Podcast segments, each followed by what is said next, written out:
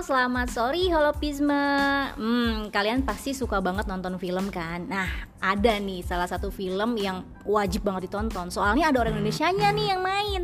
Nah, dari sekian banyak tayangan yang dirilis HBO Max Ini di tahun 2021 nih Film Mortal Kombat menjadi film yang paling ditunggu oleh penonton Indonesia. Kenapa coba? Karena film ini ada aktor Indonesianya Joe Taslim yang memerankan sebagai Sub-Zero. Tokoh antagonis loh keren gak tuh main di Hollywood Nah kalau Mortal Kombat sendiri kan teman-teman udah pada tahu dia itu sebuah game yang akhirnya diadaptasi menjadi film.